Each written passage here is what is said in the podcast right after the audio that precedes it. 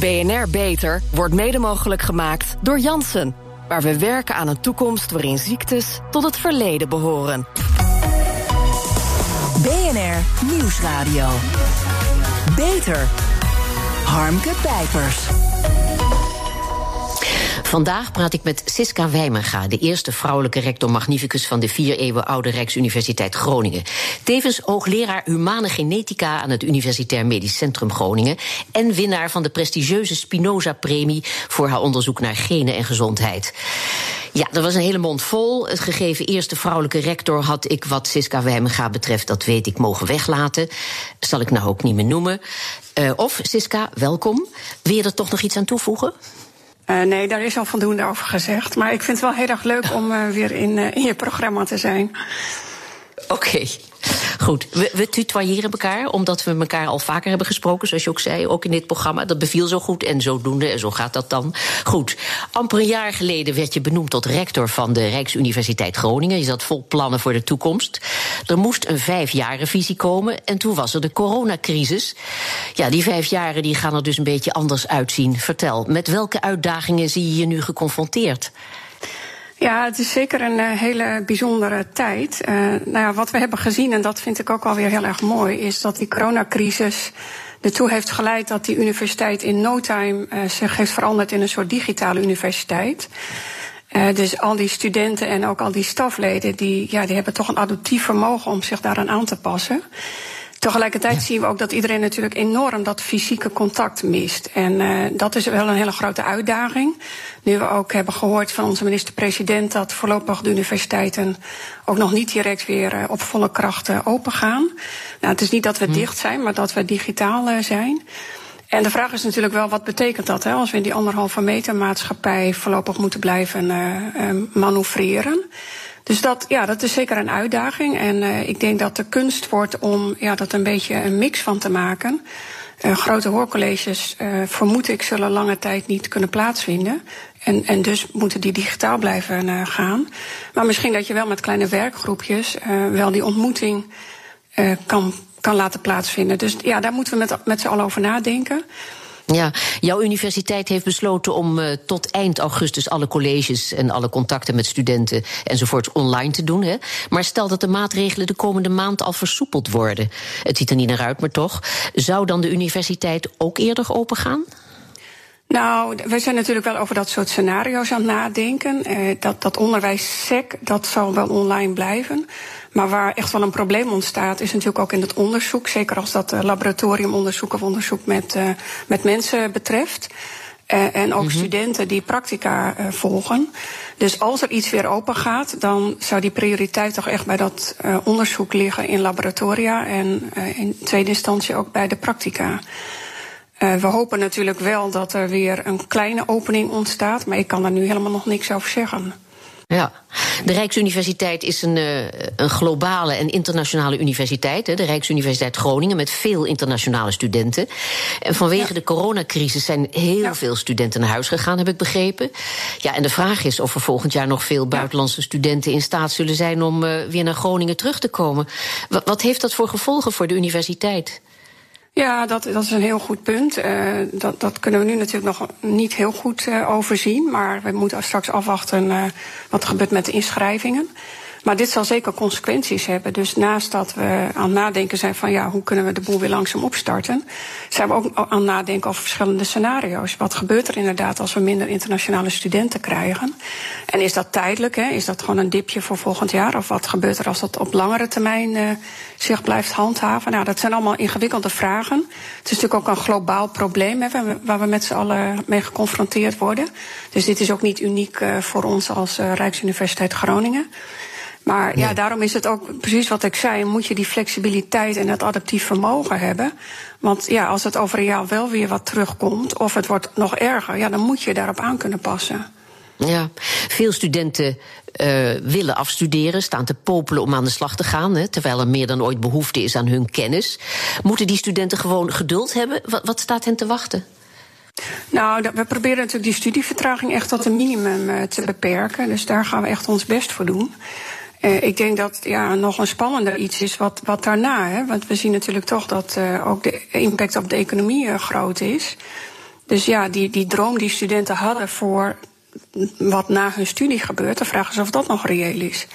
Dus ja, het, het, is voor iedereen natuurlijk een onzekere situatie. En zeker ook voor studenten. Dus daar maak ik me ook, ook wel zorgen over. Ja, en dan wetenschappers die moeten vanuit huis werken. Hè. Laboratoria zijn dicht.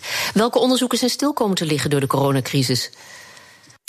Nou, met name dat onderzoek waar je inderdaad of in een laboratorium moet werken of uh, ja, veldonderzoek moet doen of uh, iets met mensen moet gaan doen. Alles ja. wat je van achter je computer kon doen, uh, dat, dat gaat natuurlijk gewoon door.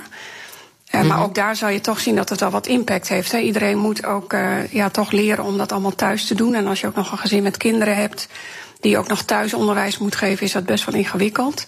Dus ik denk ja. dat we daar ook wel echt, daar hebben we ook echt wel begrip voor, dat dingen niet op dezelfde snelheid doorgaan als ze gingen. Het is een beetje ja, roeien met de riemen die je hebt. En uh, hm. iedereen doet echt stinkend zijn best. En, en dat is natuurlijk fantastisch. Maar ik denk ook aan uh, onderzoek wat stil komt liggen. Uh, ik denk aan, aan leeggelaten kweekjes die niet meer bruikbaar zijn. Dat soort frustrerende dingen. Ja. Dat moet natuurlijk niet ja. lang duren. Loopt de wetenschap hier ja. door een achterstand op?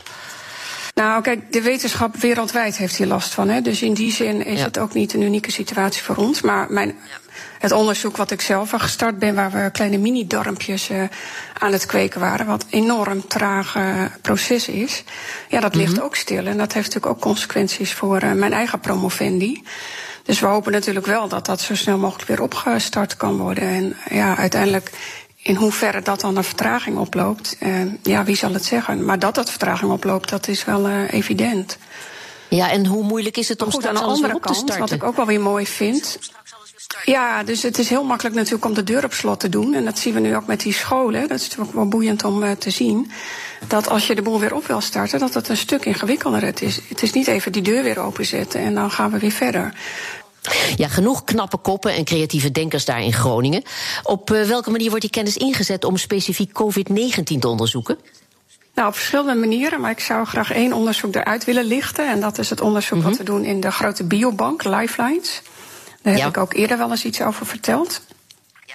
Daar doen mensen al twaalf uh, jaar mee aan, uh, aan onderzoek naar gezondheid en welzijn en ook naar de erfelijkheid.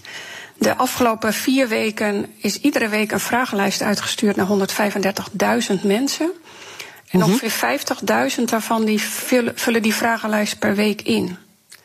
En ja. dat is natuurlijk ongelooflijk. En daar komen allerlei interessante aspecten nu al uit. Over mentale gezondheid, fysieke gezondheid. En uiteindelijk willen we ook die gegevens gebruiken om te koppelen aan erfelijkheidsonderzoek. Wat natuurlijk mijn eigen vakgebied is. Ja, ik herinner me inderdaad nog, we hebben ooit gepraat over, die, uh, over dat fantastische onderzoek, hè, dat uh, genetisch onderzoek. En wat ik me ervan herinner is uh, veel. Bijvoorbeeld dat aan de genen te zien zou zijn of je voorouders ooit de Spaanse griep hebben overleefd. En dat als dat het geval is, bij de nakomelingen vaker diabetes en celiakie voorkomt. Omdat ze eigenlijk een beetje te veel weerstand zouden hebben, als ik het goed weergeef. Volstrekt onwetenschappelijk, maar goed, dit is radio niet waar. Is die weerstand nu weer in het geding? Gaat daar het onderzoek naar uit? Of het vermoeden? Nou, dat, dat is natuurlijk wel een van de spannende vragen. Hè. Wat je ook hoort over die mensen die op de IC terechtkomen. Dat een van de dingen mm -hmm. die gebeurt is de zogenaamde cytokinestorm. En dat betekent ja. dat eigenlijk je eigen lichaam uh, ja, te actief met die afweer bezig is. Dus het wordt wel heel interessant om straks te onderzoeken van... ja, is er een relatie tussen genen die die basale afweer beïnvloeden en de mate waarin mensen ziek worden. Nou, dat, we hopen dat we dat soort vragen uh, hiermee kunnen beantwoorden. We hebben nu nog niet heel veel patiënten in het noorden, dus dit onderzoek doen we ook internationaal om ook voldoende massa te hebben. Uh, ja, dus de, de tijd zal het leren, maar dit zijn wel de soort vragen die we heel graag willen beantwoorden. Want waarom wordt de ja. een veel ernstiger ziek dan de andere? We zien ook dat mannen veel zieker worden dan vrouwen. Uh, er liggen ook vaak onderliggende ziektes aan ten grondslag. Hè, hoge bloeddruk, diabetes, uh, overgewicht. Maar dat zijn ook allemaal weer uh, kenmerken die ook weer door de erfelijkheid worden beïnvloed. Dus zit hier ook een relatie tussen of is dat puur omgeving? Nou, dat zijn wel hele boeiende vragen waar dit onderzoek hopelijk een klein beetje aan kan bijdragen. Ja, ook de luchtkwaliteit kan invloed hebben hè, op onze gezondheid, vertelde je me ooit eerder. Deze tijd waarin minder verkeer op de wegen is en vliegtuigen aan de grond blijven. Ja, dat is natuurlijk een prachtige gelegenheid om dat te onderzoeken. Worden die kansen benut? Kunnen die kansen onder de huidige omstandigheden worden benut? Nou, er is wat suggestie dat uh, dat coronavirus op een of andere manier kan hechten aan fijnstof. En, en dat is natuurlijk meer aanwezig in steden bijvoorbeeld. Dus een van de dingen die we wel al nu snel zouden kunnen doen, is om te kijken. Zijn mensen met symptomen, zitten die meer in steden dan op het platteland? Hè? Nou, dat, we hebben in het noorden van Nederland, want binnen Lifelines doen mensen uit Friesland, Groningen en Drenthe mee. Zowel wat meer stedelijke als meer plattelandsgebieden. Dus dat zou al een soort hele snelle indicatie kunnen zijn of er verschillen zijn. Uiteindelijk moet je dat dan natuurlijk koppelen aan allerlei gegevens die gemeten worden in de lucht. En dat is wel wat lastiger. Maar dat soort gegevens via het KNMI die zijn volgens mij wel beschikbaar. Dus dit is allemaal natuurlijk op de lange termijn. Maar ik denk een soort quick and dirty zou al kunnen zijn van... nou, zien we überhaupt verschillen tussen mensen die in steden wonen versus uh, daarbuiten. BNR Nieuwsradio. Beter. Harmke Pijpers. Kennis en wetenschap zijn zo belangrijk, juist nu. Dat is ook waar premier Rutte steeds op hamert als hij het volk toespreekt. Zien de universiteiten en onderzoekers dat ook terug in het beleid van de overheid, kortom in de centen? Daarover praat ik met Siska Wijmenga, rector magnificus van de Rijksuniversiteit Groningen. Ja, Siska, bij je aantreden vorig jaar zei je dat je van betekenis wilde zijn voor onderzoekers door ze te faciliteren en de juiste infrastructuren te bieden. Is dat wat je destijds als student aan dezezelfde universiteit wellicht hebt gemist? Nou, ik denk toen ik studeerde was natuurlijk een hele andere tijd. Maar wat we toch de afgelopen jaren wel hebben gezien is dat uh, nou, überhaupt de publieke sector, maar zeker ook het onderwijs, erg onder druk is komen te staan. Uh, en dat betekent ook direct het onderzoek. Daar zijn vorig jaar ook heel veel acties over gevoerd. En ik denk wat je nu juist ziet in, uh, in deze tijd van uh, coronacrisis is dat je juist inderdaad die kennis en die wetenschap nodig hebt. En het is ook heel mooi dat onze minister-president dat ook steeds benadrukt. Maar dat je die ook in de breedte nodig hebt. Dus we hebben natuurlijk niet alleen iets aan virologen, maar juist ook aan sociologen, psychologen, economen en noem maar op. Dus die hele breedte van die wetenschap is belangrijk. En de afgelopen jaren is er met name op gehamerd dat we heel erg moeten investeren in beta en in techniek. Nou, dat zal ik ook absoluut uh, niet onderkennen dat dat heel belangrijk is. En die andere vakgebieden die, ja, die werden een beetje genegeerd en zelfs gezegd, nou daar kunnen we nog wel meer op bezuinigen. Mm. En ik hoop dat de, deze crisis ons wel leert dat dat absoluut een slechte zaak is. Ja. Want ja, waar, waar, gaat het nu ook over? Is ook bijvoorbeeld gedrag van mensen. Hoe gaan we nou zorgen dat iedereen zich toch aan die regels houdt? Ja, zeg, is er van de, de waardering die ook premier Rutte heeft uitgesproken hè, voor uh, de wetenschap in Nederland, uh, is er van die waardering al iets tastbaars te merken tot nu toe? Nee, op dit moment uh, nog niet. Uh, we hopen natuurlijk wel dat uh, onze minister van Wetenschap en Onderwijs dat wel gaat doen op korte termijn. Maar vooralsnog hebben we daar nog weinig van gemerkt. Ja, dat, dat moet toch voor jou ook heel frustrerend zijn. Want in de afgelopen weken sprak ik met virologen Ron Fouché en Bert Niesters. Die beide aangaven dat er al lang gewaarschuwd werd voor een nieuwe pandemie. Dat er nu miljarden in de economie en allerlei hulpmaatregelen worden geïnvesteerd. Terwijl de gedegen onderzoek heel veel ellende had kunnen voorkomen. En een fractie van die miljarden of miljoenen had gekost. Maar dat geld voor hun onderzoek hebben ze nooit gekregen. Er is niet naar hen geluisterd. Nee, en dat is natuurlijk wel een, uh, een beetje triest. Uh, kijk, het is altijd heel moeilijk te voorspellen wat, wat zo'n virus dan precies is en uh, of je dan ook wel de juiste kennis hebt opgebouwd. Maar ik denk inderdaad, de basisinfrastructuur, die, ja, die is toch een beetje verwaarloosd de afgelopen jaren. En dat geldt natuurlijk ook voor de zorg. Hè. Daar is hetzelfde probleem. ook daar komt hopelijk een herwaardering dat dit toch wel ja, onze primaire processen zijn die we echt goed in de lucht moeten houden.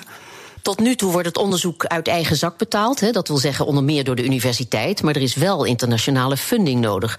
Nou, dat moet juist nu toch geen probleem zijn, zou je denken. Want iedereen zit in, ziet in hoe belangrijk dit is. Of zie ik dat nou verkeerd?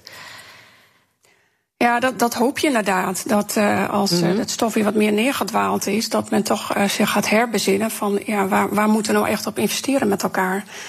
En uh, we zien dat de afgelopen jaren dat toch heel erg economisch gericht is geweest steeds. En niet zozeer op kennis. En uh, ja, nu blijkt toch wel dat kennis wel een van de basisvoorwaarden is om dit soort dingen aan te pakken. Dus ja, ik, ik heb wel goede hoop dat daar toch een herwaardering gaat plaatsvinden. Maar ja, eerst zien dan geloven natuurlijk. Wat ik opmerkelijk vond, was dat je ook benadrukte dat de focus op de werkvloer van het individu naar de groep moest gaan. Vertel, waarom is dat zo belangrijk nu? Nou, ik denk dat nu uh, is dat meer dan ooit duidelijk. En wat ik net ook al zei, wil je dit soort problemen aanpakken, dan heb je gewoon mensen uit verschillende disciplines nodig. Dus je moet veel meer naar dat interdisciplinaire toe. En je moet het ook samen doen. En, en dat geldt op allerlei uh, vlakken. Uh, dus hier moet je ook met elkaar samenwerken om het probleem aan te pakken. Dus het is niet meer één onderzoeker die dat in zijn eentje doet, maar het is een heel team die dat samen moet doen. Dus ja, ik, dit is natuurlijk weer een, een mooi experiment van de natuur om ons te laten zien hoe belangrijk dat is. Dus zowel het interdisciplinaire, waar ik ook echt voor heb gepleit in mijn uh, reden vorig jaar bij de opening van het academisch jaar, als dat, dat je dat inderdaad uh, in gezamenlijkheid moet doen. Ja, dat blijkt nu des te meer. Ja, daarnaast moet je ook samenwerken met de overheid. Uh, vinden wetenschap ja. en politiek elkaar? Of is dat in Nederland nog steeds een moeizaam verhaal? Nou, dat kan beter, denk ik. Uh, ook hier hoop ik natuurlijk dat dit uh, ons een beetje gaat helpen. Maar dat, dat is altijd wel een wat lastige samenwerking geweest. Uh, ik denk ook dat de politiek ook gewoon vertrouwen moet hebben in de universiteiten. Dat die echt wel gewoon de goede dingen doen. En dat zie je nu ook. ook hoe wij onderwijs geven is met allerlei regels omgeven opeens moeten we allemaal overstappen op uh, digitaal onderwijs geven. En, en zie je dat het ook gewoon goed blijft gaan. Dus heb ook een beetje vertrouwen dat wij zelf ook wel in staat zijn om die kwaliteit uh, te bewaken. Ondertussen pretendeert Nederland wel een kenniseconomie te zijn. Maken we die kwalificatie waar? Uh, onvoldoende. Dus we doen het heel goed, hè. laten we dat voorop stellen. Als we ook internationaal kijken, dan, dan zitten we echt wel in de top. Als we kijken naar hoe goed we publiceren, de, topwetenschappers. Um, maar dat, ja, we lopen echt al heel erg lang op ons standvlees. Dus dat kan niet zo door blijven gaan. We zijn, natuurlijk, ja, we zijn wel in staat om ook daar heel creatief te blijven. Maar op een bepaald moment houdt het wel op. Dus uh, daar zal echt wel wat bij moeten. Willen we die positie ook blijven handhaven de komende jaren.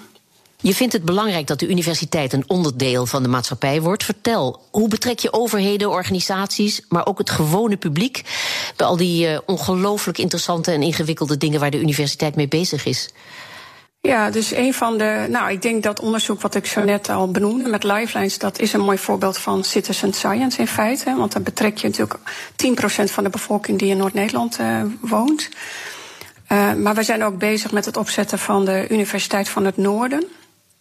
En daarbij willen we veel sterker samenwerken met andere kennisinstellingen, dus het HBO, maar ook het MBO. En met ook allerlei maatschappelijke organisaties en ook uh, bedrijven in het noorden. Uh, ja, wederom voor diezelfde reden die ik eerder zei. We, we hebben natuurlijk allemaal te maken met grote maatschappelijke vraagstukken.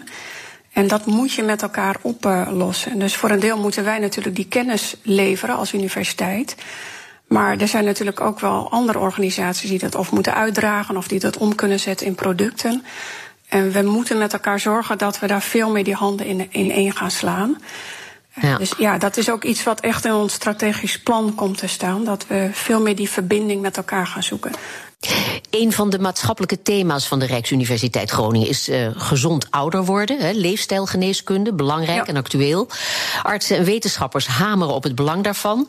Maar een gezonde leefstijl vraagt ook om gedragsverandering. Daar zitten ook economische aspecten aan en een flink prijskaartje. Hoe vertaal je dat naar de maatschappij? Ja, nou in Groningen hebben we de zogenaamde Aletta Jacobs School of Public Health. En die is al heel erg veel met dit soort vraagstukken bezig. Ook juist samen met, uh, ja, met allerlei partners in de, in, de omgeving. Het, ja, je hebt helemaal gelijk. Dat, uh, dat kan je niet alleen doen door te zeggen: dit signaleren we, maar hoe gaan we dat met elkaar ook uh, oppakken? Um, moet er sprake zijn van meer dwang, minder vrijblijvend? Want tot nu toe zijn we er altijd van uitgegaan dat mensen konden kiezen voor of ze gezond wilden zijn, ja of nee, of voor een gezonde leefstijl, ja of nee. Maar we weten dat het systeem spaak loopt en dat de kosten zo hoog worden dat we ons dat misschien niet meer kunnen permitteren. De vraag is dan: wat moet daar de gevolgen van zijn? Ja, dat vind ik een, een hele ingewikkelde. Want de vraag is ook altijd waarom mensen een bepaalde leefstijl hebben. Dus ja. ik zie zelf veel meer in het verleiden, hè, dat je het uh, veel makkelijker Zeker. Of maakt. En daar kan je bijvoorbeeld wel iets aan doen met, uh, met BTW of uh, ja, hoe je ook winkels inricht. Wat wel interessant is, binnen die biobank vragen we ook uit of mensen nu gezonder of juist ongezonder zijn gaan eten in deze periode. En dan blijkt dat ruim 7% gezonder is gaan eten. tegen een kleine 4% ongezonder. Dus, of, dus grosso modo zijn meer mensen gezond gaan eten. Dus dat vind ik dan weer, interessant. En dan zou je hier verder vervolgonderzoek op moeten doen. Om erachter te komen van waarom is dat nou zo? Hè? Is het omdat mensen meer thuis zijn, meer aandacht besteden aan het eten? En daar zitten misschien ook een deel van de oplossingen in. Hoe je toch gaat zorgen dat we met z'n allen uh, veel gezonder gaan worden. Maar dwingen, dat lijkt me echt een, uh, een hele slechte zaak. Dat gaat ook niet werken. Hoe kijk je nu naar de toekomst van de universiteit? Heeft de coronacrisis de visie op de toekomst veranderd? Waar, waar ligt de focus nu?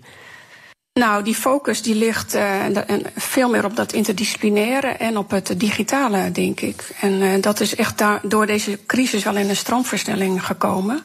Het zat wel in ons nieuw strategisch plan, maar het, uh, ja, het komt wat sneller naar voren. En dat is denk ik alleen maar een goed ding. Ja, dat denk ik ook. Hè? Want huisartsen gaan nu ook veel meer uh, gebruik maken van internet en van allerlei mogelijkheden om met uh, hun patiënten te praten.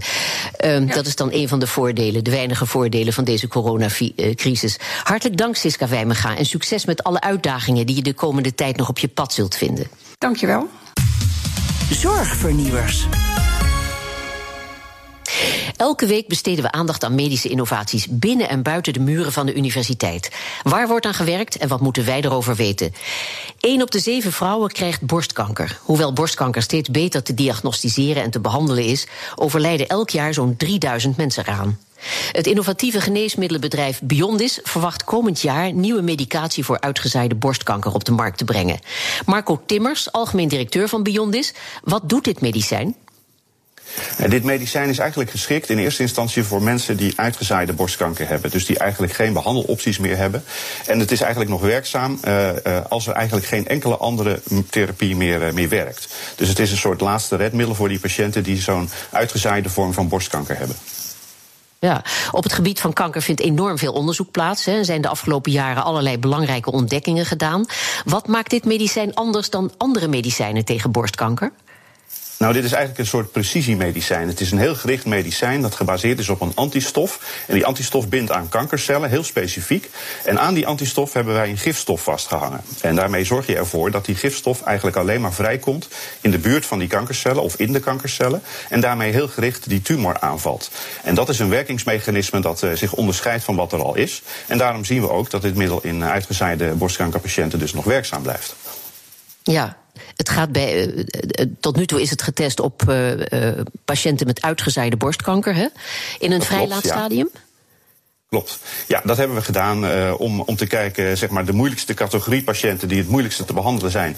Ja, daar probeer je uh, je eerst op te richten natuurlijk. Daar is ook de, de medische noodzaak het grootste. Uh, maar wat wij zeker willen gaan doen in de loop van dit jaar al, is gaan kijken of we ja, het werkingsgebied van ons medicijn zouden kunnen uitbreiden. Ook naar vroege borstkankerpatiënten. Dus borstkankerpatiënten die net gediagnosticeerd zijn met de ziekte. En die eigenlijk wachten op een operatie waarbij dan het knobbeltje zeg maar weg, weggehaald gaat worden. en wat wij gaan proberen is om te kijken of we uh, de initiële tumor, hè, dat knobbeltje, of we dat al kunnen verkleinen en daarmee zelfs de kans kunnen uh, wegnemen dat de ziekte uiteindelijk uh, op termijn gaat uitzaaien. Dus eigenlijk helemaal aan het begin van de, van de therapie kijken of dit middel ook zou kunnen werken. Dat weten we nog niet, dat ja. willen we onderzoeken, maar dat gaan we dus wel heel snel doen.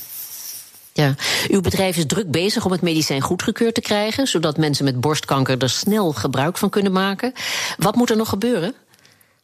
We moeten de klinische studie, die nu op dit moment bijna klaar is met recruteren, zoals dat heet. Dus waar bijna alle patiënten die we in de studie willen, willen opnemen, zijn, zijn ook echt in die studie dan aanwezig.